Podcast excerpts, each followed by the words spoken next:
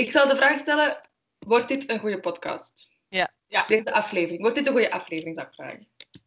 Oei, oei, oei, oei, oei. Een goede aflevering. Van Monumentaal. Ja. Anders weten we niet over wat we spreken. Hè. Ja, het is dat. Dit is zeker. Oh, my. Keigoed. Yes. Yes. Oké, ik ga het eh, ik ga als geluk niet op de proef stellen verder. Ik ga het hier sluiten. Hè. Voilà. Weg met alle antwoorden. We hebben, we hebben het antwoord dat we nodig hadden. Voilà. Monumentaal. Het Sterkshof Deurne. En even, Sterkshof, hoe wordt het geschreven? S-T-E-R-C-K-S Hof. Oké. Ik dacht ook dat er een X nog bij was, maar dat is niet. Dus het is maar ja, ik ook. Hof. Oké. Ik ben Margot en ik ben een freelance illustrator uit Antwerpen met een enorme geschiedenisobsessie. En samen met Lise en Floortje ben ik zo aan deze podcast begonnen. Ik ben Lise. Ik ben, zoals in de vorige aflevering gezegd, lector en onderzoeker eh, aan een hogeschool in Antwerpen. Eh, ik ben geïnteresseerd in geschiedenis, maar niet even extreem als Margot. Ehm, en we waren deze podcast inderdaad begonnen na een wandeling in Antwerpen tijdens eh, corona. En vandaag is het aan het Sterkshof. Ik ben Floortje. Ik ben schrijfster en kleuterjuf. En als ik iets heb geleerd van mijn kleuters, is het wel de verwondering in het leven en in de wereld. En dat is bij deze aflevering niet anders dan anders. Ehm, ik laat mij eh, bedol- bedolven onder eh, verschillende onderwerpen en ik stel net als de kleuters in mijn klas zoveel mogelijk vragen. Ik ben benieuwd. Oké, goed. We hopen dat we u en onze luisteraars, onze potentiële luisteraars, ehm, iets kunnen bijleren weer al. Ja, en Is ik hoop ook dat ik eh, op het einde een eh, bijdrage kan hebben in de rubrie- rubriek Floor. We zullen zien. Tuurlijk. Oké, dus voor het Sterkshof, ik ga kort even toelichten waar het te vinden is, hoewel dat ik wel twee adressen heb gevonden. Eh, ik heb enerzijds het adres gevonden Cornelisselaan 10 in Deurne en Hoofdvunderlei 160 in Deurne. Nu, ik denk dat Hoofdvunderlei iets correcter is, omdat ook de eerste vermelding van Sterkshof was Hoofdvunder. Eh, het is mij niet helemaal duidelijk wat hoofdvunder betekent, eh, maar het komt waarschijnlijk van het woord vunder. En vunder betekende een oversteekplaats. En dat zou een brug zijn geweest over het Groot Schijn, of de Grote Schijn, Ah. correcter ehm, in de geschriften. En dus zou hoofdvunder die brug hebben moeten beschermen. Hoofdvunder was oorspronkelijk een boerderij, geen kasteel. Wat ik wel bijzonder vond, en en een klein weetje, is dat ehm, in het British Museum, ik weet niet of dat het in het British Museum was, maar het is al, alleszins op de site van het British Museum, vind je een tekening van hoofdvunder van Albertus Magnus. Eh, en dat is een van de 197 illustraties van de editie uit 1678 van de Notitia Margionatus. Ik heb geen idee wat Margionatus betekent. Ehm alleszins op de site van het British Museum. Als we informatie de wereld insturen samen met deze podcast, zal ik de link erbij zetten. En dus daar vind je wel een heel mooie tekening. Dat is net een, eh, een potloodtekening, of ja, ik ken veel van illustraties, maar, maar zal dat wel toelichten wat het dan is. Maar ja, dus het is ook al bekend om, alleszins ja, bekend is misschien een groot woord, tot in, eh, tot in Groot-Brittannië. Als je nu naar het Sterkshof gaat, even springen naar de toekomst, is het gebouw dat er nu staat een reconstructie uit 1920. Dus eigenlijk is het niet zo oud als je zou denken dat het is. Ehm, het is dus redelijk oud. Ik vond ook nog andere benamingen, eh, onder andere Edelhof en Scholiershof. Eh, maar daar heb ik ook niet veel verder meer over gevonden, eh, over die twee benamingen. Dus ik weet ook niet van waar dat die net komen. Ik had gevonden dat de vroegste bij naam gekende bewoner van het hoofdvunder dan het riddergeslacht Van Deurne is. Ah! Ja, met de naam Gijsbrecht van Deurne en zijn voorzaten als de bekendste. Ehm, dus waarschijnlijk ook wel daar de link naar Deurne. Ehm, maar natuurlijk, ja, ik heb niet uitgezocht hoe dat dan Gijsbrecht van Deurne en Deurne aan elkaar gelinkt zijn. Maar in elk geval is het bewoond geworden door Gijsbrecht van Deurne. En dan spring ik eigenlijk naar 1523, eh, waar de hoofdvunder ook nog eens opnieuw wordt beschreven, nog altijd als een boerderij, met een huis, een brouwerij, een slotgracht, vijvers, een wensput en een Fransentuin. Uh, dus een, een, serieuze uitbreiding van wat het oorspronkelijk was. Um, en ik vond die wensput wel interessant. Ik weet ook niet zeker of dat er nu nog staat, die wensput. En het is dus in 1523 om, die, beschrijving, die beschrijving is gevonden um, omdat het toen ook verkocht werd aan Gerard Sterk. En dat was onder die beschrijving. En Gerard Sterk heeft er dan een kasteel van gemaakt en heeft het Sterkshof genoemd. De kleinzoon, een beetje over Gerard Sterk, uh, maar dat kan maar gewoon met het over het gebied. Maar ik had wel het weetje dat de kleinzoon van Gerard Sterk de bisschop van Antwerpen was.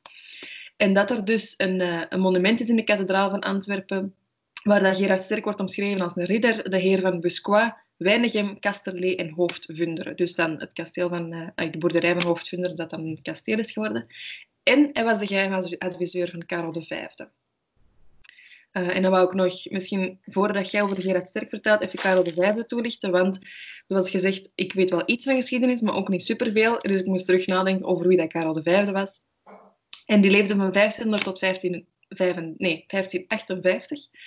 Um, en was keizer vanaf 1530, daarvoor al koning. Is de oudste zoon van Philips de Schone en Johanna de Waanzinnige. Ik vind Johanna de Waanzinnige echt een geweldige naam, altijd al gevonden. Um, tragische historie natuurlijk wel, maar toch, ik vind het wel, ja, vind het wel geweldig. En uh, Karel V is bekend omdat hij een cruciale impact had op de vorming van de Nederlanden, religieus, en met name het katholicisme en de centraliseringspolitiek van de Nederlanden, die de, de Nederlanden apart maakte van Duitsland en uh, de Franse territoria. Um, maar Margot, jij gaat meer over Gerard Sterk, hè? Dus ja. het is vooral dat kasteel, een beetje water er rond, maar Winsput of ik weet niet wat zit er eigenlijk nog allemaal bij? Bij, dat, oh, bij het kasteel. Nog, je hebt nog bijgebouwen wel, dus je hebt dat kasteel. Maar Lies zal straks ook verder toelichten. Ik weet, het is een heel relevante vraag inderdaad voor. Maar uh, Lies zal straks nog toelichten wat dat ze eigenlijk hebben herbouwd en ah, ja, ja. wat er eigenlijk nog origineel stond in de begin 20e eeuw. En dat is niet zoveel. Van hetgeen dat ze nu weer beschreven van 15 in, juist de funderingen en een paar bijgebouwen en een toren, denk ik. Maar dat zal ze straks verder toelichten. En hetgeen dat we nu zien, je hebt zo het stukje, je hebt daar ook een bar, bar Stark van achter. Ja. En je hebt daar zo een soort veld, tuin, ding, dat doorloopt eigenlijk door de... Ik ben de naam van die straat nu even kwijt. Is dat de Hoofdvunderlei, Lies? Ja, de Hoofdvunder... Wacht, de Hoofdvunderlei wordt Sterkslei of Sterkshoflei. Um, dus dat is de straat die ervoor loopt. Misschien is dat de straat die jij bedoelt? Geen, Nee, degene waar dat wij altijd doorfietsen, is degene waar dat je komt uit bij het Sterkshof, dat je daar onder de ring van Antwerpen of onder de brug doorgaat. Is dat niet de Parkweg? Dat kan, de Parkweg. Dat zal, zal dat zijn. Zwat. Dus Floor, uiteindelijk heb je die een tuin nog en dan heb je van achter een bruggetje over het Groot Schijn, denk ik. En tot daar loopt eigenlijk de tuin van nu, het huidige Sterkshof, denk ik. Mm Heb ik op het erfgoed uh, site gezien. Dus dat hoort er zo nog wat bij. En is dat ook iets waar dat wij op mogen, of is dat... Het is toegankelijk voor het publiek, sinds al een tijdje. Ja. Volgende keer als we terug buiten mogen, ga ik dat eens checken. Dus Gerard Sterk, uh, die is geboren in 1505 in Stabroek, dus wel niet in Deurne. Verrassend. En hij is gestorven in 1564, maar de locatie daar vind ik niet terug. Um, het belangrijkste van hem is eigenlijk dat hij in zijn leven een Zuid-Nederlandse koopman, bankier en de voornaamste financiële agent van keizer Karel V. Dus wat zoals Liesje vertelde. En hoe komt dat? Hoe komt hij in godsnaam aan die positie? dat is niet helemaal duidelijk, want je vindt er wel wat van terug, maar ook niet... Bijvoorbeeld zijn stamboom vond ik ook niet supergoed terug, daar kom ik later nog op terug. In ieder geval, wanneer de Zuid-Duitse fuggers ik spreek dat misschien fout uit, excuses daarvoor, beste Duitse fuggers, um, die op een gegeven punt weigeren die de keizer, dus keizer Karel, nog langer van geld voor te schieten voor zijn oorlog met Frankrijk. Want zoals Lise zei, heeft hij ervoor gezorgd dat de Nederlanden zijn territorium meer waren en dat, dat afgescheiden was van Frankrijk. Dus Frankrijk en Spanje lagen daar vaak ja, in de clinch. En um, het feit dat hij dus dat geld kwijt was voor zijn oorlog, heeft hem zich moeten richten tot de Staten-Generaal van de Nederlanden onder andere dus tot de rijkaarden in deze omgeving om, zich, om hem te sponsoren. En één daarvan was dus Gerard Sterk. Die heeft mede een oorlog gefinancierd. En zonder dat geld had waarschijnlijk uh, keizer Karel dus die oorlog niet gewonnen. en had heel die wereldwijde ambitie van die mens nooit zover gekomen. En dat heb ik gevonden uh, dat, ah ja, dat staat ergens in een tekstje dat Henri Pirenne, dat is een Belgische historicus en een hoogleraar uit de 19e eeuw, die heeft daar gezegd dat dat zo zou zijn. Maar ik heb daar verder ook niks over teruggevonden. Van, is dat echt zo dat die ambities anders niet konden waargemaakt worden? Of zou dat ook wel gelukt zijn met iemand anders? Dat wil ik nu in het midden laten, want dat is, zo, ja, dat is misschien wel een groot statement. En dus, door die financiële steun dat hij heeft gegeven, dacht Karel, maar, maar hij is een keer een toffe. Dus ik ga nu nog een extra functie geven, zeg. Dus hij heeft eigenlijk, door dat te doen, is hij maar meer verheven in de adel en kreeg hem nog wat meer functies. Onder andere dus de grote tol van Brabant. Dus zijn familie werd de ontvanger-generaal, dat is de rentmeester, uh, der domeinen voor het kwartier Antwerpen.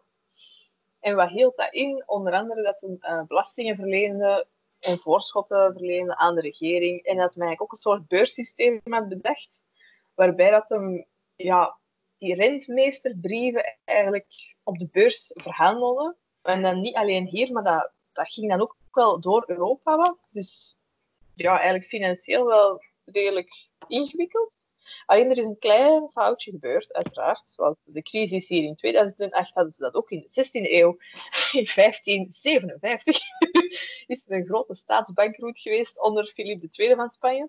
En daar ben ik nu wel even niet. Met de koning heb ik me nu minder bezig gehouden, omdat je dan op een heel verder pad komt van info waar dat je dan ook moeilijk uitkomt. Maar Philip II is koning van Spanje, maar keizer Karel ook. Of hoe zit dat nu? Het lijkt zo oh, hetzelfde of niet hetzelfde. Dat weet ik niet zeker. Misschien, maar ik zou ook wel denken dat een koning ook lager staat dan een keizer. Dus een keizer, dat dat zo'n beetje is. Een keizer over, overheerst en dan de koning voor specifieke grondgebieden. Maar dat is nu ook wel gewoon speculatie van mijn kant. Oh ja, dus dat zouden we nog eens moeten opzoeken. Maar in ieder geval, de grote staatsbankroet onder Filip II van Spanje. En daardoor werden al die beursmaterialen en brieven van onze meneer Sterk een beetje waardeloos. En dus al die kleine beleggers daarvan, ja, die zijn al hun kapitaal kwijt. En uiteraard heeft meneer Sterk, het moet slim zijn geweest, want hij is natuurlijk in geslaagd om zijn fortuin te bewaren uit heel dat gedoe. en hij heeft al de rest gewoon niet terugbetaald. Dus kijk. En in dus, uh, ik denk 25 jaar ervoor, want 1557, dat is al wel later, 25 jaar ervoor, denk ik ongeveer, dat Lise zei dat hij dus het Sterkshof heeft gekocht. En met dat, dat dat heeft gekocht, ja, met, met onder andere die, na de financiële steun, heeft hij dat waarschijnlijk gekocht van Karel V, want anders kon hem nooit, denk ik, dat kasteel bouwen. Want wat waren die kastelen voor meneer Sterks? Dat was eigenlijk zijn buitenverblijf. Hij woonde in de stad en het kasteel, dus moet je dat voorstellen, hè, een volledig domein met hoeveel brouwerijen, een gigantisch kasteel erop gezet, dat was het buitenverblijf ik vind dat ergens heel grappig. En dat is dus een hof van plaisantie. Maar daar zal ik later nog iets over zeggen. In zou een beetje door de algemene geschiedenis van Sterkslot zijn. En dus, ja, wat eigenlijk voor de fun. de allerrijkste hadden dan een kasteel en minder rijken die hadden eerder zo'n herenhoeve of een, een meesterswoning. Dus dan die kastelen. Hij moet stevig wat geld hebben want anders had hij dat nooit kunnen betalen. En ik heb ook gevonden dat hem eigenlijk als hij geboren was, is het eigenlijk niet duidelijk of dat hij van adel was. Want zijn moeder was wel van Deurne. Emerencia van Deurne was zijn moeder. En wat ik vermoed, want hij is geboren in Stabroek, dus hij is niet oorspronkelijk van Deurne, lijkt me dan. Maar misschien zijn moeder wel, die zal er misschien nog gewoond hebben. En dat hij daarom die locatie van Deurne heeft gepakt. Van ik zal daar eens mijn kasteel zetten. Of misschien omdat dat al een succesvolle hoeve was of zo. Dat is allemaal speculatie. Maar ik ben maar aan het denken van waarom Waarom daar? Want hij is ervoor als ridder geslagen geweest en dan heeft hem een kasteel in Nielerbroek, in Niel, heeft hem dan... Ja, dat was dan van hem. Dus van Niel, dat Zuid-Antwerpen, even ter illustratie. En dat ligt eigenlijk bij de Ruppelrivier. Dus dat is wel een andere kant. Dus dan is hem toch naar Deurne gegaan voor zijn sterkshof. En dus op een gegeven punt um, uit de eerste bewaarde belastingsrol van Deurne, potverdekke toch, uit 1544 blijkt dat meneer Sterks ondertussen drie steden, negen huizen, twee brouwerijen en 10% van de dorp van Deurne, van de grond, daar bezat. Hij was goed bezig. En hij noemde zich ook heer van Deurne. Ja. ja. Dat is geen bescheiden tist. Nee. Nee, nee.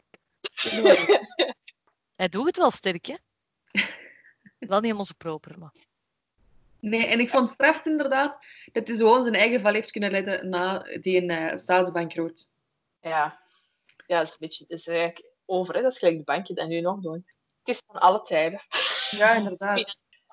Maar van zijn, dus van zijn stamboom heb ik proberen opzoeken, maar je komt heel snel op... eh, ja, in Vlaanderen is denk ik genealogie een mega populaire hobby om uit te dokteren wat uw stamboom is. En dus je komt heel snel voor de stamboom van Gerard Sterk op ja, hobby-genealogie-sites. En ik heb er daar wel gevonden. De kracht Ja, van het internet. Ja, ja, je weet, in- even in de krochten van het internet gaan zoeken met sites die zo nog uit de jaren 2000 stammen, denk ik. Dat is wel grappig. Van die plasje dingen aan de zijkant. Waarschijnlijk. Dus hoe betrouwbaar is deze info, beste luisteraar? Ik weet het ook niet. Ik zou eigenlijk liefst in de erfgoedbibliotheek van Antwerpen daar een keer naar gaan zoeken, maar dat is, ah ja, op dit moment doen we het met de middelen die we hebben. Dus hij heeft twee vrouwen gehad. De eerste was Johanna van Rooyen. En nu ben ik er niet helemaal uit hoeveel kinderen dat hem uit dat huwelijk had. Want hij had uit het eerste huwelijk, vind ik, een zoon, Godevaart. Die namen zijn trouwens heel grappig en het heeft ergens wel iets. Godevaart, van Gatenvaart. Ehm, maar is er dan nog een dochter uit dat huwelijk? Dat staat zo nergens. Dat kan, hè, dat hij misschien maar één zoon had. Maar in die tijd, ik weet niet. Waren er meer? Misschien wel. Hm. En die zoon is Amman van Antwerpen geworden en dat is de procureur-generaal. Dus die stond eh, bij de blijde inkomst van koning Filip II uit Spanje in 1549. Stond je eigenlijk van voor. Dus ze waren groot fan van de Spanjaarden, want die hebben nu natuurlijk al het geld en de adel bezorgd. En dan heeft hem een tweede vrouw gehad. Dus wat is er met die eerste vrouw gebeurd? Dat vind ik ook maar niet terug. Ik vind het eigenlijk wel jammer. Maar ja, in die tijd, ja, vrouwen en kraamsterfte en ja, er zijn nog wel honderd andere dingen waar dat je nogal snel aan sterft in die tijd. Dus hoe is dat gebeurd? Ik vind het dat er ene zoon vermeld staat. Die vrouw, eerste vrouw verdwijnt dan precies redelijk snel van toneel. En de tweede vrouw is Josine van Dalen. Ehm, en daar had hem toch twee dochters mee die dat er geregistreerd ergens staan. En dat is Anne Sterk en Emeris Sterk. En Anne Sterk die heeft dan een zoon, zijn kleinzoon was dan de bisschop van Antwerpen tegen eind 16e eeuw. Dus die familie moet wel wat invloed hebben gehad, hè, want die komen allemaal wel terecht op posten die redelijk belangrijk zijn in die tijd qua bestuur van een stadstad. Ja, het is dat. Sorry, van de stad. Ehm, en hij zou dus begraven zijn, zoals Lies zei, in de kathedraal van Antwerpen. Ah, ook begraven? Ja, hij zou daar begraven zijn. Ah, oké. Gevonden op shady bronnen. Dus klopt dat, klopt dat niet? Ja, Geen idee. nee. Maar in elk geval ligt er een steen. Dus ja. Ja, dus het zou wel kunnen. Het zou wel mogelijk zijn dat het daar ligt. We weten natuurlijk ook, de kathedraal van Antwerpen zouden we ook nog in een volgende aflevering, niet, niet de volgende aflevering, maar een aflevering moeten doen. Misschien dat we er daar drie voor nodig hebben natuurlijk, maar de vloer in de kathedraal is ooit ook eh, volledig verwijderd geweest. Ik denk misschien rond de Franse revolutie. En daar ligt nu eigenlijk de vloer uit een andere kerk van Antwerpen, die ook afgebroken is geweest. Dus hoe, in hoeverre ligt die mens daar nog uit de 16e eeuw? Daar stel ik een groot vraagteken bij. Ja, en sowieso, hè. 400 jaar, bijna 500 jaar. Ja, daar blijft niet meer veel over van een lijk, denk ik. Misschien wel van hem, hè, want dus hij is ja. wel heel sterk. Dus dat een beetje in detail meer over Gerard Sterk, hetgeen ik ervan heb gevonden. ja. Dus, eh, En dan willen we uw vermelding van Josine van Dalen, of Josine van Dalen, kan ik direct inpikken. Alhoewel, ik heb hier nog even voor. eh superkort, want ik heb er niet heel veel over. Maar in, eh, na 1542 verschijnt er iemand ten tonele die ook in de vorige aflevering heel kort is eh, verschenen. En dat is Maarten van Rossum. Die dat, ehm, Ja, juist. erdoor is gekomen met zijn bende en die ehm, nogal veel schade heeft aangericht in Antwerpen, onder andere. En dus wou ik zeggen, in 1542 waren er herstellingswerken nodig aan het Sterkshof omwille van ehm Maarten van Rossum zijn criminaliteit. Zijn, eh, zijn afbraakwerken daar in elk geval, waren er herstellingswerken nodig. Zijn verbouwingen maar zijn niet goed verlopen. gevelschilderen en zo. Nee. Ik wou inpikken naar het overlijden van eh Josien van Dalen in 1580. Want dan is de Sterkshof in bezit gekomen van de familie De Berge. Ehm, en is het ook weer in 1585 gebombardeerd onder leiding van de, even kijken, Alexander Farnese. Ah ja, dus onder leiding van van de Alexander Farnese is het stormenderhand ingenomen. Uh, stormender, stormenderhand is geen woord van mij, dat is een woord dat ik heb gekopieerd. Ehm, en dan is het een tijd lang bezet door Franse huurlingen. Dus uh, ja, Franse soldaten, uh, huurlingen, soldaten. Krakers.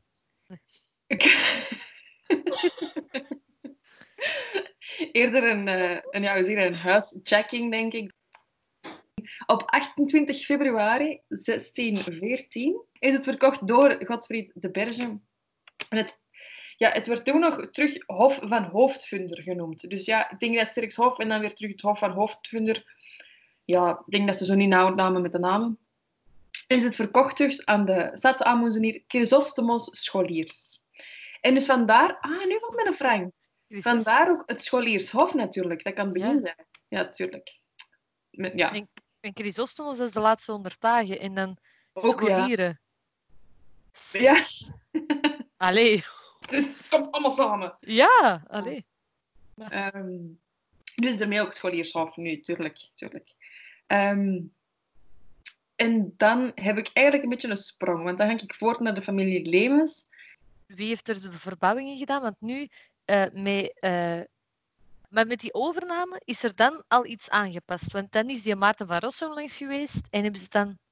Wat zijn dan de veranderingen? Even kijken. moet nog altijd uh, Gerard Sterk en Josien van Dalen de herstellingswerken hebben gedaan. Want dat was in 1542 en dat was nog niet verkocht. Uh, maar wat dan de herstellingswerken waren, ja, goeie vraag. Dat weet ik niet. Nee, maar dat is niet, dat is niet iets cruciaal dat, dat geweten is. Maar ik kan me niet herinneren dat er iets... Ik heb het in elk geval niet opgeschreven. Ik kan me niet herinneren dat er een toelichting was van wat er dan is aangepast. Ik heb eerder gewoon dat ze 1693 heb ik hier als datum dat ja, aan, aan de Jezuïeten is verkocht geweest. Samen met ja. de vier nog. Ja. Maar dat is misschien al een beetje later in je chronologie. En daar staat gewoon nog bij, um, omgevormd tot hoeve terug, afbraak van het vervallen lusthof. Dus ik denk dat dat toch voor twee eeuwen, dat lusthof, met meerdere verbouwingen ertussen natuurlijk, dat dat lusthof nog wel even lusthof was, voor op zijn minst 150 jaar. Voor het dan terug echt hoeve hoeve precies Dat heeft veel namen gehad, hè? Ja. Maar um, ik ga even terug naar voor de Jezuïeten. Het is dus verkocht aan Keizers Scholiers en dan heb ik een sprong naar de familie Lemens. Um, en eigenlijk de sprong dat van de familie Lemens het Sterkshof in bezit is gekomen van de Antwerpse handelaar Huibrecht Moordgat en de priester Jacob Guyot. Um, en die hadden alle twee een vierde en een derde, um, sorry, een vierde en drie vierde van de eigendommen. Uh, hoe dat die dat hebben verdeeld, weet ik ook niet. Um, vind het een beetje een ongelijke verdeling, maar ze zullen er wel zijn om eruit gekomen, zeker. Uh, en dan is het eigendom geworden van Jacob Edelheer, samen met de vrouw Elisabeth van Lemens. Dat moet dan natuurlijk ervoor zijn geweest. Dus eigenlijk is het dan eerst van Jacob Edelheer en Elisabeth van Lemens geweest. En die zijn ook weer afgebeeld op, het, op een uh, doek dat David Teniers heeft geschilderd in 1650. En daar ziet je de tuinzijde van het Sterkshof uh, en dat hangt in de National Gallery in Londen. Dus opnieuw, wow. bekend in Groot-Brittannië. Allee, bekend. Het hangt daar. Ik heb een beetje onderzoek gedaan naar afbeeldingen van het Sterkshof. Dus voor 18 en een En David Teniers' schilderij is een van de enige maar echt een van de enige waar dat je een redelijk view hebt op, ah, oké, dit is de tuin en daar staan de torens. En dit is de hoeven en de schuur en dergelijke. Maar voor de rest vind je heel weinig afbeeldingen van die tijd daarvan. Dus als mhm. je nog wilt zien met de torentjes of hoe dat Lusthof eventueel er heeft uitgezien, ik denk dat dat een van de duidelijkste, en het is dan nog niet super duidelijk, maar dat is een van de duidelijkste beelden daarvan. Ah ja. Dus ik zit hier nu even ik was een beetje in de war met familie Lemens en dan toch die, uh, die priester. Dus hoe dat het dan chronologisch zit, maar ja, op zich, het is ook maar een, eh, een voetnoot in de geschiedenis. Hè. Dus uh, ik ga terug naar de familie Lemens. En die hebben dan dus wel degelijk in 1693, zoals Margot net al toelichtte, uh, het sterkshof verkocht aan de Jezuïeten van Lier. En de Jezuïeten van Lier die hadden al het uh, Rivierenhof als buitengoed. Um, dus dat was eigenlijk maar gewoon een uitbreiding van die domein. Maar dus, ja, ik weet dus niet hoe de Jezuïeten, hoe dat ik die moet kaderen. Zijn dat gewoon vrome mensen, aangenaam in de omgang? Of hebben die meegedaan aan alle verschillende godsdienstoorlogen? Dat weet ik niet goed. Ik, weet, ik heb gevonden dat ze zijn eh, begonnen in Parijs, maar ik heb dan ook verder niet meer gezocht. Dat, dat ben ik vergeten. En Trivirenhof hadden ze al sinds 1618. Dus 1618 Trivirenhof, 1693 het, um, het Sterkshof erbij. Uh, en ze hadden ook een klooster in Trivirenhof. En dan is eigenlijk het volgende punt dat ik heb, dat het kasteel beschadigd worden in de Oostenrijkse successieoorlog. En die liep van 1740 tot 1748. Dus dat is ook weer een sprong van uh, 47 jaar dat ik daar uh, heb. Ze zei dat er nog iets tussen valt, maar gewoon. Nee, dan, uh, ik heb ongeveer hetzelfde. Dus ja. ga gerust verder. Want dan wil ik even de Oostenrijkse successieoorlog toelichten. Die heb ik dan weer wel opgezocht. En dat is een oorlog geweest van Frankrijk, Pruisen en Spanje tegen de Oostenrijkse keizerin Maria Theresia van Oostenrijk.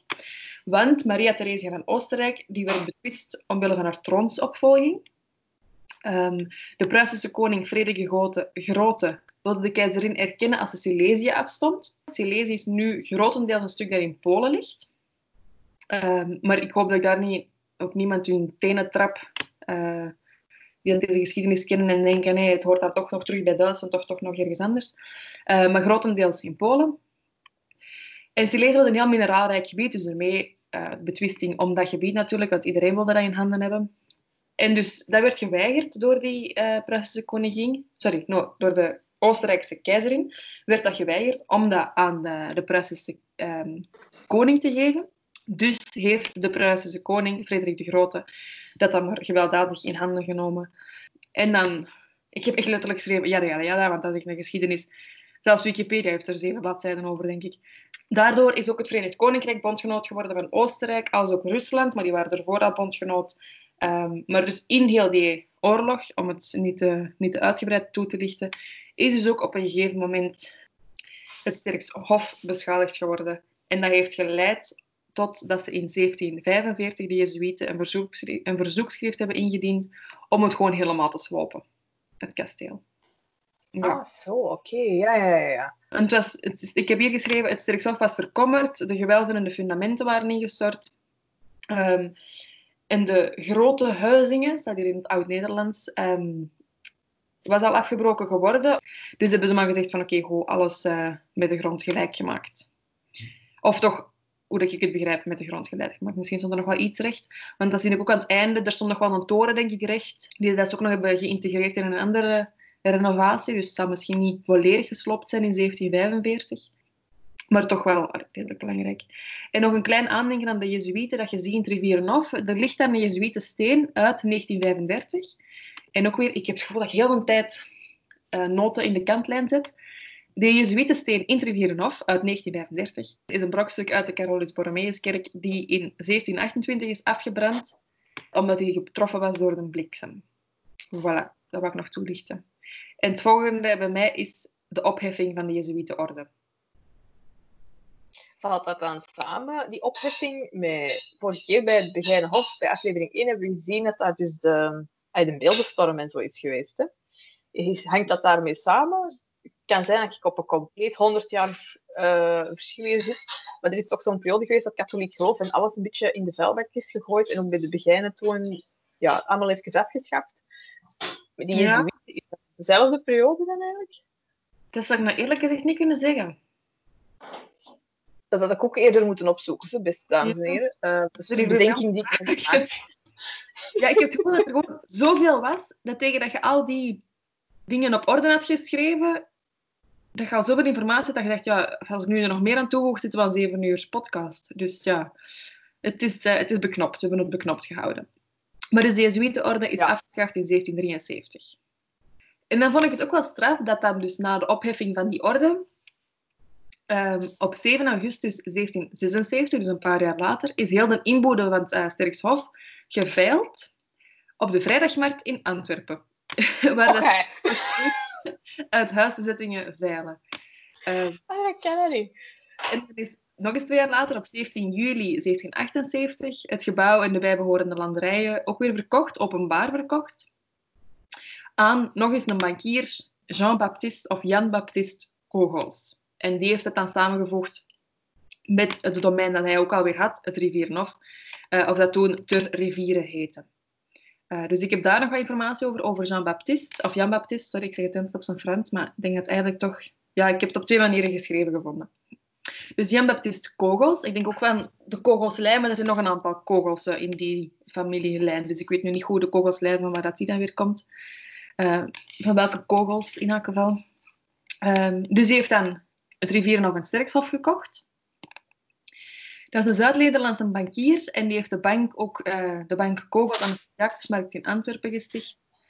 En de moeder van Jan-Baptist Kogels kreeg met terugwerkende kracht uh, adelsverheffing. En die was ook toepasselijk op de kinderen. Um, dus daar heeft er dan ook voor gezorgd dat Jan-Baptist Kogels ook van adel was. En ik kocht het Rivierenhof voor 63.100 gulden. En ik heb geprobeerd om dat om te rekenen naar hoeveel dat ongeveer nu is. Een half miljoen euro, denk ik. Ben niet helemaal zeker. Um, want het is ook, je moet dat zien wanneer het dat is en met de inflatie en zo. Dus het kan een pak meer zijn, het kan ook een pak minder zijn. En dan het Sterkshof heeft hij gekocht voor 51.020 gulden. Dus iets minder dan een half miljoen euro. Misschien een schappelijke prijs, dat weet ik niet. En dus die Kogels heeft eigenlijk een nieuw, modern kasteel laten bouwen in de klassistische stijl met een monumentale tuin. En dat is het Witkasteel in het Rivierenhof.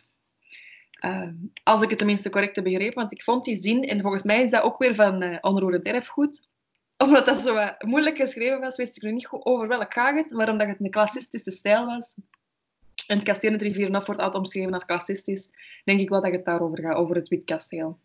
Um, en dat is naar ontwerp van ja, CH, dus ja, Charles of, of iets anders kreeg of zo, um, de WI. En dat was hoofdarchitect van Lodewijk de 16e. Uh, Dat is naar dat, ontwerp, naar dat ontwerp het kasteel Intervierenhof, dus niet het Sterkshof, uh, verbouwd. Weer een bankier, hè? Je weet waar dat geld zit. Amai, het zal nog niet zijn. Hm. In 1820, nu op, over, een beetje over iets anders, is er uh, sprake van een sterk lei. En dat was toen nog maar een sterk, een, uh, een, sterk, een slijkerig voetpad. Uh, maar in 1873 is er een steenweg aangelegd en die kreeg de naam Sterkshoflei. Dus dat is de straat die er nu nog steeds ligt. Een beetje meer naar links, een beetje meer naar rechts, dat weet ik niet. Um, maar dat is de straat die er dus is van 1873 ongeveer. En dan terug opnieuw van Sterkshof. Um, maar ook geen beschrijving, maar het was maar een korte uh, ding. In 1880, uh, dus enkel nog maar ruïnes die daar overbleven van Sterkshof. En in 1889 is het domein openbaar verkocht en toegewezen aan Louisa Bosgaard-Kogels, waarbij dat geheel nadien in handen is gekomen van de familie Bosgaard. En die dan het Rivierenhof en Sterkshof uh, in de volledige omringende ja, gronden eigenlijk in totaal ook ongeveer een, een 130, 120, 130 hectare eigenlijk trouwens. Die heeft hij verkocht aan de provincie voor 5.050.000 frank. Um, en als ik dat omreken, vind ik het weer weinig, is 126.250 euro. Dus ik denk dat ik daar, oh, ja. ja. dat dan niet meer klopt met de omrekening. Ja. Maar ja, in elk geval, het is dus van die kogels verkocht aan de provincie. En als ik dan verder ga, um, is het Rivierenhof opengesteld in 1923. Dus over drie jaar is het 100 jaar open. Is het opengesteld voor het, uh, het grote publiek. En in 1930, uh, eh, zoals Margot ook aan, aan het begin toelichtte, is het um, gereconstrueerd door de architect uh, Jacques Alphonse van der Gucht. En die heeft het proberen te reconstrueren zoals het er zou uit hebben gezien in de 16e eeuw. En dat gebaseerd op 17e eeuwse grafische documenten. En die heeft het ge gereconstrueerd in de neo-Vlaamse renaissance-stijl. Ik had geen idee dat dat er was, de neo-Vlaamse renaissance-stijl. Want er bleef toen um, enkel nog de omgrachte funderingen over, met aan de oostzijde een ruime voorbouw van één bouwlaag uit het tweede kwart van de 16e eeuw. Dus wel iets waar je op u, u kunt op baseren, denk ik, als architect. Een halfronde hoektoren, ingangspoort, een langsschuur met zadeldak en aan de overzijde de sterkshoeve. Er is er ook nog de sterkshoeve aan de overzijde van de hoofdvunderlei. En dat is wat er nog wat er over is gebleven. Deurne mocht het gebruiken als gemeentehuis, maar die hebben geweigerd. Ik was straf, ik zou denken, schoon gebouw. Um, maar ook wel, het is ook um, toegeschreven aan de technische dienst van Deurne, maar ook daar, die hebben ook gezegd, nee, wij, wij kunnen er niks mee. Want blijkbaar is de, is de hele kamer- en gangenstructuur super onoverzichtelijk, waardoor dat je er als, uh, denk ik, als starre bureaucratie niet meer weg kunt. Dus ja, die hebben dat geweigerd. En dan is het in uh, eh, 1943 is er een uh, associatie opgericht om dan het Museum van de Vlaamse Beschaving en Openluchtmuseum... Um, ik, ik wil dat niet zeggen als... Ja, Vlaamse beschaving, het is echt wel omdat de associatie heet. Dus dat is geen neerbuigendheid naar de Vlaamse beschaving. En dan is het op 21 mei 1938 is het Sterkshof opengegaan voor publiek. Jozef de Beer was curator en hij heeft van alles beginnen verzamelen om dat museum te kunnen vullen met um, ja, kunst, cultuur, archeologie, natuurgeschiedenis en, uh, en zo meer. Um, ik had ook nog een grappig... Ah ja, ik vind dat weer, weer grappig, omdat je, je weet dat een inboedel van de Jezuïeten op de vrijdagmarkt nu, dus dat wist ik niet, hilarisch, is verkocht geweest. Nu, zoveel honderd jaar later, hebben ze iets gelijkaardigs gedaan, maar omgekeerd. Dus in de jaren 50 zijn er heel veel herenhuizen in Antwerpen afgebroken na de oorlog. En wat hebben ze met het interieur gedaan? Een heel deel van die interieurs van Antwerpse herenhuizen is beland in het Sterkshof. Oh, serieus? ja, dat is, dat is met wederkerende cirkel. Voor hetzelfde geld tot er ergens een kast die er ooit in heeft gestaan op de vrijdagmarkt verkocht is geweest en dan terug daar is beland. Dat is mogelijk. Ja. Ik weet dat niet, dat is speculatie, maar het is wel grappig. En ik had nog een feitje over die Sterkshoeve. Wat aan mij nu niet duidelijk is, is waar dat die stond. Stond hij nu... Dus je hebt die Sterkslei, stond hij nu daar aan de overkant of bij de Parkweg daar aan de overkant? Kan... Dat weet ik Ah, nou niet. Nee. Want als je, zegt, er geen... als je zou zeggen, aan de overkant van de Sterkslei, dat is waar de ridderfeesten zijn. Voor de Ja, mensen die ridderfeesten niet kennen, er is jaarlijks ridderfeesten. Mensen die dan die tijd eren en zich, ehm, zich ja, volledig terug op laten gaan in hoe dat het in die tijd was. En alles op de manier doen van de tijd van de ridders. En er is eigenlijk, als ze er niet staan, die ridderfeesten, dan is het eigenlijk gewoon een groot veld. En ik, ik zie er geen gebouw staan op dat veld. Ook niet achter de bomen of zo, dus het moet dan aan de andere kant zijn, denk ik. Ah, wel, nee, maar het feit is, het kan om beide kanten, want dat, de Sterkshoef bestaat gewoon niet meer. Want Ah, ja, die is plat gebombardeerd in de Tweede Wereldoorlog. Daarmee dat ik het mij afvraag van Ja. waar in godsnaam heeft die dan gestaan? Want ik Ja. vind maar geen deftig schilderij of tekening of wat dan ook terug. Zelfs niet op de erfgoedsite van waar zitten die funderingen dan? Het moet ergens zitten. Nee. Dus dat vind ik niet goed terug. Want dat moet dan toch, ik weet, ik kan er ook niet aan uit, die Sterkshoven. Is dat dan op de plek waar dat de eerste hoeve stond? En is dat kasteel twee meter verder gezet geweest? Of is dat, ja, daar kan ik dan zo niet goed aan uit. Ja. Dat is ook wel jammer dat ze die niet terug hebben opgebouwd. Spijtig. Ja, hè? Maar- dat je dan denkt, er is dan zoveel Ja. opgebouwd en afgebroken en terug opgebouwd. Dan lijkt me dan een kleine moeite om die hoven nog terug op te bouwen. Maar, allee, ja. Het, is dat, hè. het was eigenlijk, ik weet niet, zeven eeuwen lang de standaard bouwwerf, heb ik de indruk. Dus, allee. Ja. Het zou- Het geld zal op zijn geweest. Oh, is dat. Ehm, en ik heb hier nog iets, maar ik zeg het is ook weer een beetje, spreek mij tegen als het niet relevant is, maar dat er uit ten zuidwesten van het Sterkshof een geometrische aangelegde siertuin zou zijn, die langs grachten wordt afgezoomd eh, op een rij bomen.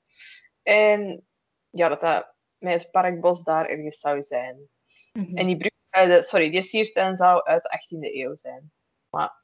Ah, ja. Ik had zo nog een paar ja, feiten die ik nog wil meegeven. In 1944, er is een patriciërswoning in Rivierenhof. In 1944 is die gerestaureerd, omdat die ehm, vernield was door een bominslag. Eh, en de patriciër is iemand met een bestuurlijke functie. Dus dat is iemand, ja, dat is iemand van de gemeente dat er woont. Of... En ik denk dat die patriciërswoning staat aan de ingang van Rivierenhof, aan de kant van de Turnhoutse baan. En volgens mij, maar ook weer ja, gokken en, en hopen dat je juist zei, is de poort aan de kant van de Turnhoutse baan ook nog de Jezuïetenpoort. Want er wordt gezegd, de poort in het Rivierenhof heet nog Jezuïetenpoort. Maar Ja. er zijn meerdere ingangen aan het Rivierenhof. Dus ik weet niet goed over welke poort ze het hebben. Maar dat is volgens mij ook een redelijk oude poort, dus ik denk dat dat de Jezuïetenpoort is. Dus dat. Maar dus nogmaals, als we, er, eh, als we hier fouten maken of zo, schiet ons niet af, alstublieft. Die associatie van eh, de Vlaamse beschaving die is afgeschaft in, 15, eh, sorry, 15, in 1953. Ehm, en dan daarna is het een provinciaal museum geworden voor kunstambachten. in, in 1994. En dan is het ook beschermd als monument in 1994. Uh, en dan daarna is het het Zilvermuseum geworden, waar het nu ook niet meer is. Nu is het terug zo een, een, een atelierruimte voor, voor kunstenaars. En ik heb nog een paar dingen over... Even kijken. De slotgracht had ik hier nog beschreven. De slotgracht rond het Sterkshof wordt gevoerd, gevoed door het Groot Schijn. En is toegankelijk via twee bruggen aan Hoofdvunderlei. En ik had iets gevonden in de Gazet van Deurne. Ik wist niet dat het daar was, de Gazet van Deurne. Maar die hebben op 27 eh, augustus 2019 die een artikeltje over of dat, uh, het Sterkshof verkocht gaat worden of niet. En dan heeft er iemand toegelicht dat er een herbestemmingsonderzoek wordt uitgevoerd. Om dan te gaan kijken van oké, is het mogelijk om hier iets anders van te maken, financieel, maar ook architecturaal. Uh, om dan een marktbevraging te gaan doen. En dan zou, wacht ze, de Vlaamse erfgoedkluis zouden het kasteel Sterkshof kopen van de provincie Antwerpen. En dan zou het uh, in erfpacht geven aan de winnaar van de marktbevraging. Er wordt erbij gezegd dat dat dan zeker een, een goede herbestemming gaat krijgen. Ik weet het niet. Het is ook al van bijna een jaar geleden, dus ik weet niet in hoeverre dat die, hoeverre dat die plannen staan. Of wat dan misschien al sowieso beslist is dat dat dan toch niet meer gaat gebeuren. Maar er waren dus plannen om het eventueel te verkopen. Het is een heel groot domein hè, om zo wat te weten wat je ermee moet doen als stad. Ja. Als provincie. Ah ja, ik denk nu niet afbreken zullen ze denk ik wel nooit niet doen, want dat is, ah ja, dat is wel knap. Ah ja, knap monument om bij rivieren op en zo ook te hebben. En het is beschermd, hè, dus dat gaat niet. Maar het is wel inderdaad, het, als je zegt, het is van binnen ook heel ingewikkeld. Ah ja, het zit niet logisch ineen, na al die verbouwingen. Het is dat, ja. ja, wat doe je ermee? Hè? Nee, ik zou het niet, uh, ik zou niet wel moeten beslissen. Er is in het, uh, in het Rivierenhof nog een ander monument. Iets waarvan je niet zou verwachten dat het een monument is. Want het is een boom. Er staat een boom in het Rivierenhof. Oh! Ja. Een zomerlinde. En die maakt deel uit van het park. Um, en dat staat bij het grasland tegenover de ingang van Sterkshof. Uh, en vormt er visueel een eenheid mee. Uh, maar blijkbaar zo belangrijk, want het is... Uh, de boom neemt een straal van 30 meter in en is beschermd als een, als een monument in 2010. Uh, op de foto van de zomerlinde, de opgaande zomerlinde, staat er ook al een prieeltje. Jawel, het is eigenlijk, als je die sterk vlei hebt, normaal je de, de beste mensen, je hebt eigenlijk een oversteek waar heel veel mensen in Antwerpen, als je van, ja, eigenlijk van de stad soms door dat park rijdt of richting Noord of Oost gaat, andere gemeentes daar, daar zo een, een knooppuntroute, een fietsroute. En die oversteek, als je daar, denk ik niet dat je hem ziet, maar als je de sterkste vlei, dus als je die straat zou indraaien, die richting ja, naar het Sterkshof. Dus ik denk, ja, naar gelang waar dat je komt, is natuurlijk naar rechts of naar links. Hè, maar wat. Uh, ja, je hebt een prieeltje in ieder geval in Trivierenhof. Als je via die weg, via die knooppuntroute daarin gaat, via die ingang, dan is er daar ergens inderdaad een prieeltje. En als dat op de achtergrond van je foto staat, moet dat, die een boom moet eigenlijk, als je het Sterkshof hebt, daar een beetje verder daar is geen oversteekvoetpad volgens mij. Maar daar zou je dan moeten staan, als dat ja. in het zichtveld ligt. Ja. Sorry, ah, beste mensen. Het is totaal onduidelijk als je daar nog nooit geweest bent. Ik weet het. Maar het is een heel schoon park te vieren. Dus altijd heel tof om uh, eens naartoe te gaan. Het is dus wel een imposante boom. Dus ik denk ook wel eens dat je hem hebt gezien dat je er ook niet meer naast kijkt. En voor de rest, zoals al gezegd, ik mij wat proberen. Ik ben zelf dus uh, illustrator, dus ik veel met kunst en beeldende dingen ook graag bezig. Dus ik wou vooral weten, als het over dat sterkstof gaat, hoe heeft dat er dan allemaal uitgezien?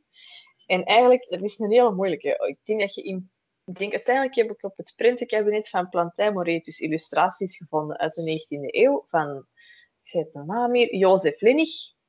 Uh, die is geboren in 1815 en gestorven in 1891. En die heeft heel veel tekeningen gemaakt van de oude kwartieren in Antwerpen, voordat die zijn afgebroken geweest en voordat die in de oorlog vernield zijn. Of, ja, ze hebben in Antwerpen in de 19e en 20e eeuw nog meer uh, veel dingen afgebroken die te oud waren of in verval of ja, eigenlijk voor nieuw gebouwen op te zetten. Wat dat soms heel spijtig is. Soms zal dat nodig zijn geweest, dat denk ik wel, maar soms ook heel spijtig. In ieder geval, dat is eigenlijk wel heel interessant, want daar stonden dus heel veel dingen op. Heel tof. En je kunt dat dus ook terugvinden, mensen, op de, op de site van het Museum Plantijn Moretus heb je het printenkabinet. En je kunt daar, denk ik, op de knop onderzoek of iets. We zullen dat zeker in de links zetten van de bronnen. um, kun je eigenlijk een naam intikken of iets dat je wilt weten. En dan komen daar etsen en beelden op van ja, dat die in hun collectie hebben. En daar heb ik dus een paar gevonden uit de 19e eeuw. En daar zie je dus inderdaad die ruïnes. Er stond precies toch meer dan ik eerst dacht dat dat, dat, dat stond. Dus je, zoals Lise zei, als je voor het Sterkshof staat, heb je dus de, het bruggetje met die ingangspoort. En dan daarnaast een gebouw met een toren. Maar op die tekeningen zie je van achter ook een heel duidelijker hogere toren in het midden van dat Sterkshof staan. En ik dacht eerst dat dat een tirlantijntje was van de jaren 30. Maar op die tekeningen staat hij ook op. Dus dan denk ik, ja, er moet toch in ruïne weliswaar, hè, maar er stond toch nog wel iets. Het was nog altijd wel ja, Ja, een, uh, iets in het landschap dat opvalt. Ja. ja, die is blijven recht staan. Dus eh, het ziet er wel heel pittoresk uit. Moest je daar interesse in hebben, dan zullen we die links er zeker bij zetten. En je hebt nog één foto op een postkaart, wederom in de krochten van het internet teruggevonden van Deurne. Van eigenlijk een foto met de gracht met een ingang en dan het torentje en een eerste verdiep dat er nog stond. Ik denk dat je daar nu voor staat dat dat twee verdiepen zijn. Dus ze hebben daar wel opgebouwd. Ik denk dat dat iets uitgebreider is ondertussen. Maar daar zie je toch nog, ja, het was toch nog iets dat wel gekend was in de omgeving. Dus het is niet het zo vervallen was dat mensen zoiets hadden van, goh, welk kasteel. Als het op postkaarten staat, dan denk ik dat dat toch nog een, noemen ze in het Engels, een landmark een beetje is. En op die 19e eeuwse schetsen vond ik wel interessant. Je ziet daar een boer met koeien die in die poort gaan. Dus dan vraag ik me af, ja, je zei, hè, die, die, familie Kogels en zo, dat was dan in hun bezit. Zou dat dan toch onderverpacht zijn geweest aan, met die hoeven bij en zo, dat er toch nog begankenis, ah ja, beweging was? Ja. Kan er misschien juist een, iemand die dat, dat huurde of zo? Dat vraag ik mij dan af, maar dat hebben we ook niet teruggevonden. Ah ja, dat zal misschien terug te vinden zijn en zouden we buiten coronatijden andere bronnen dan alleen het internet kunnen raadplegen.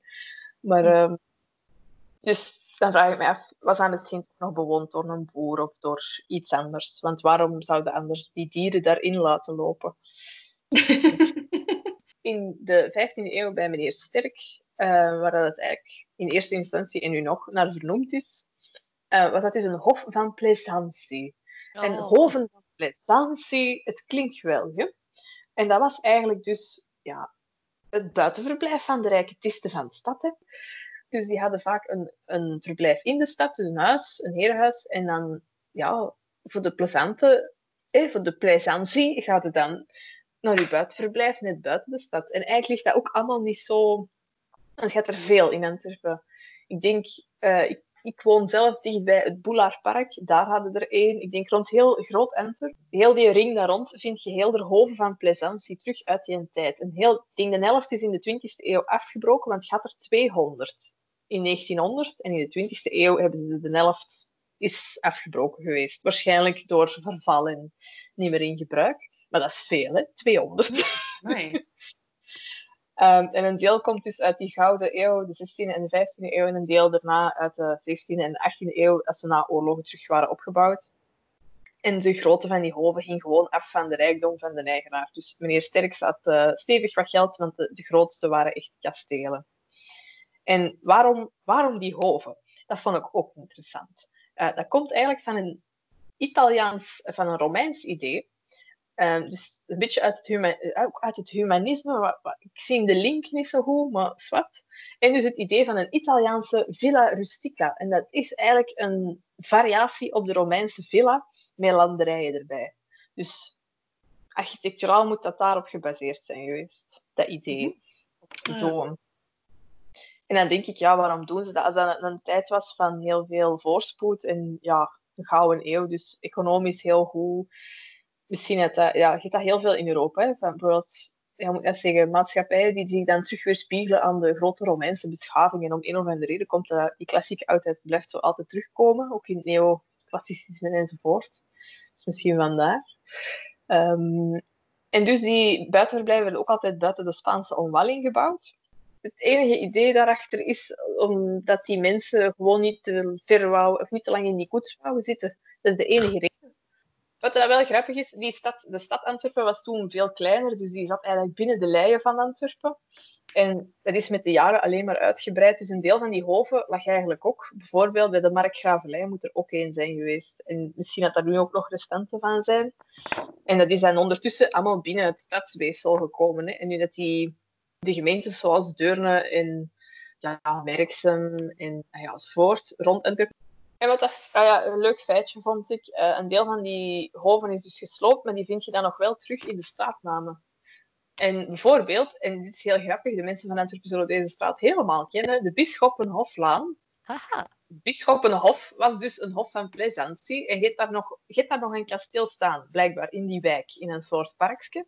Het is niet meer zo groot als dat dat ooit was, maar de Bisschoppenhoflaan, dat is omdat daar ook een hof was. Uh, Boekenbergpark en Boelaar ook. En ik heb hier nog een link. Ik ga twee seconden open doen. Op Wikipedia vind je dus een volledige lijst terug. Um, in Deurne zelf had je bijvoorbeeld het Bisschoppenhof, Kasteel Boekenberg, de Boterlaarhof, de Gallifort, het Gallifort, dus de Gallifortlei, dat is ook een Ja. straat hier. Landhuis Drakenhof, dat was ook één. Kasteel de Muggenberg, dat is nu een volledige wijk, de Muggenbergwijk. Daar stond ook een kasteel, dat is weg. Het Rivierenhof, zoals we vernoemd hebben, eh te Boulaar, dat is hier het park. De Kouwelaar, eh, de Vennenborg, Zwarte Arend, dat zijn allemaal hoven van plezantie geweest. Dat is wel grappig. Dat zijn nu eigenlijk wijken in Antwerpen, of ja, ja, wijken in Antwerpen of parken. En degenen die dat zijn blijven bestaan, liggen vaak rond parken of publieke ruimtes nu. En het is daar Ja, plezant. Het is daar plezant nu, hè. ja. Ja, dan zijn nog enkel maar Antwerpen. Hè. Wie weet over de rest van heel Vlaanderen hoeveel dat er zijn. Hè? Mhm. De moeite weer. Dat was, dat was mijn bijdrage. Nog even de bronnen. Ehm, van Ja. mij, zoals steeds, Wikipedia. Love Wikipedia. Dan inventaris onroerend erfgoed. eh, historiek.net. A View on Cities. Een, ehm, een site met allemaal steden en allemaal bezienswaardigheden in steden. Ehm, en daar staat ook het Sterkshof, heeft daar ook een, een, apart, ehm, ja, wat zeg je, een apart hoofdstuk. En het OKV, Openbaar Kunstbezit Vlaanderen. Daar de site van evengoed een, een hele pagina over het Sterkshof. En ik heb aan, qua bronnen het uh, Plantijn Moretus Museum. Op die site vind je ook eh, beelden dan op het printkabinet. Heel er afbeeldingen. Ah ja, heel er. Zoals we hebben gezegd, niet keiveel. Je daar enkele afbeeldingen van terug en info. Ehm, voor de rest een beetje hetzelfde zoals Lies. Ook Wikipedia en onroerend erfgoed en dergelijke. Dus dat is al vernoemd geweest. En dan nog, en ik zeg het beste mensen, redelijk ja, in de krochten van het internet heb ik postkaart geslagen. Maar dus genealogie.nl. Rubriek Floor. Josine vond het prachtig. De vlokken waren met veel en danste door de lucht. Ze dook nog dieper in haar bonte mantel en probeerde de weg van een van de dansers te volgen. Een stil hoopje in een hoek. Zijn blauwe huid leek van ijs. Het vlokje zat er goed, smolt na een tijdje. De zwarte haren van het hoopje leken er vrolijk van te worden. Mooi. Dankjewel. Mooi. ik heb dus geprobeerd om die Josine en die familie, hè, dat die zo toch heel veel geld hadden en blijkbaar het niet erg vonden dat ze andere mensen daarmee dingen ontnamen en dat die dan niks hadden. Die Josine zit dan binnen en die heeft een mantel waaronder dat hij het warm heeft. En die kijkt dan naar buiten naar de sneeuw. Die vindt dat kei mooi.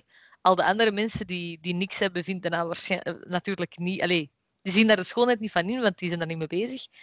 En dat vlokje valt dan op een, een kind dat daar ligt. Dat wordt zelfs niet gezegd dat dat een kind is, want voor die Josine, of Josine is dat, is dat niet belangrijk, het is dat vlokje.